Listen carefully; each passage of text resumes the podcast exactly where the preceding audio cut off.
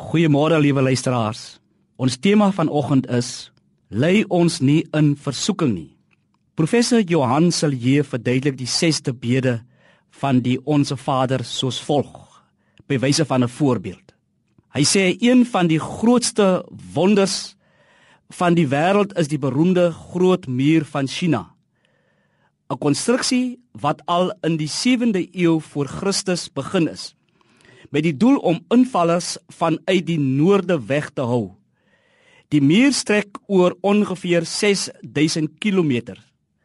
So geweldig groot is hierdie ingenieursvernuf dat die mens dit blykbaar vanaf die maan kan sien. Eeue lank het die reuse konstruksie die grens van China beskerm. Telkens het een swak plek in die veiligheidsskakel daartoe gelei dat die invallers tog deur die muur kon dring om chaos in China te saai. Wat was die swak plek? Dit was mense. Die invallers het gewoon wagte wat die poorte moes bewaak met geld omgekoop. Elke keer was die versoekings vir die wagte te groot.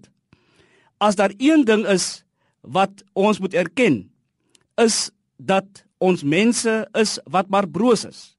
Maar wat is die versoeking nou eintlik?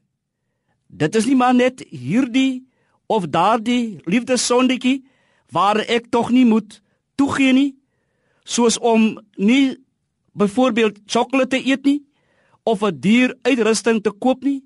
Versoeking gaan veel verder, meerder as laat ons nie in versoeking kom nie.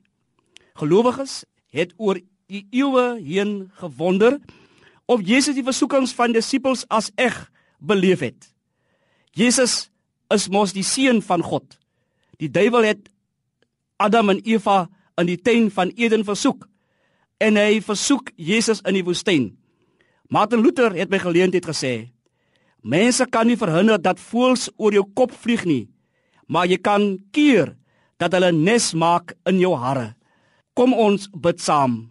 Help ons, Here, om waaksaam en nugter te wees, om oplettend te wees en die verskeidelde gestalte van die versoeking raak te kan sien, om opmerksaam te wees en agter die misleidende mooi gestalte van die versoekings die bose raak te sien.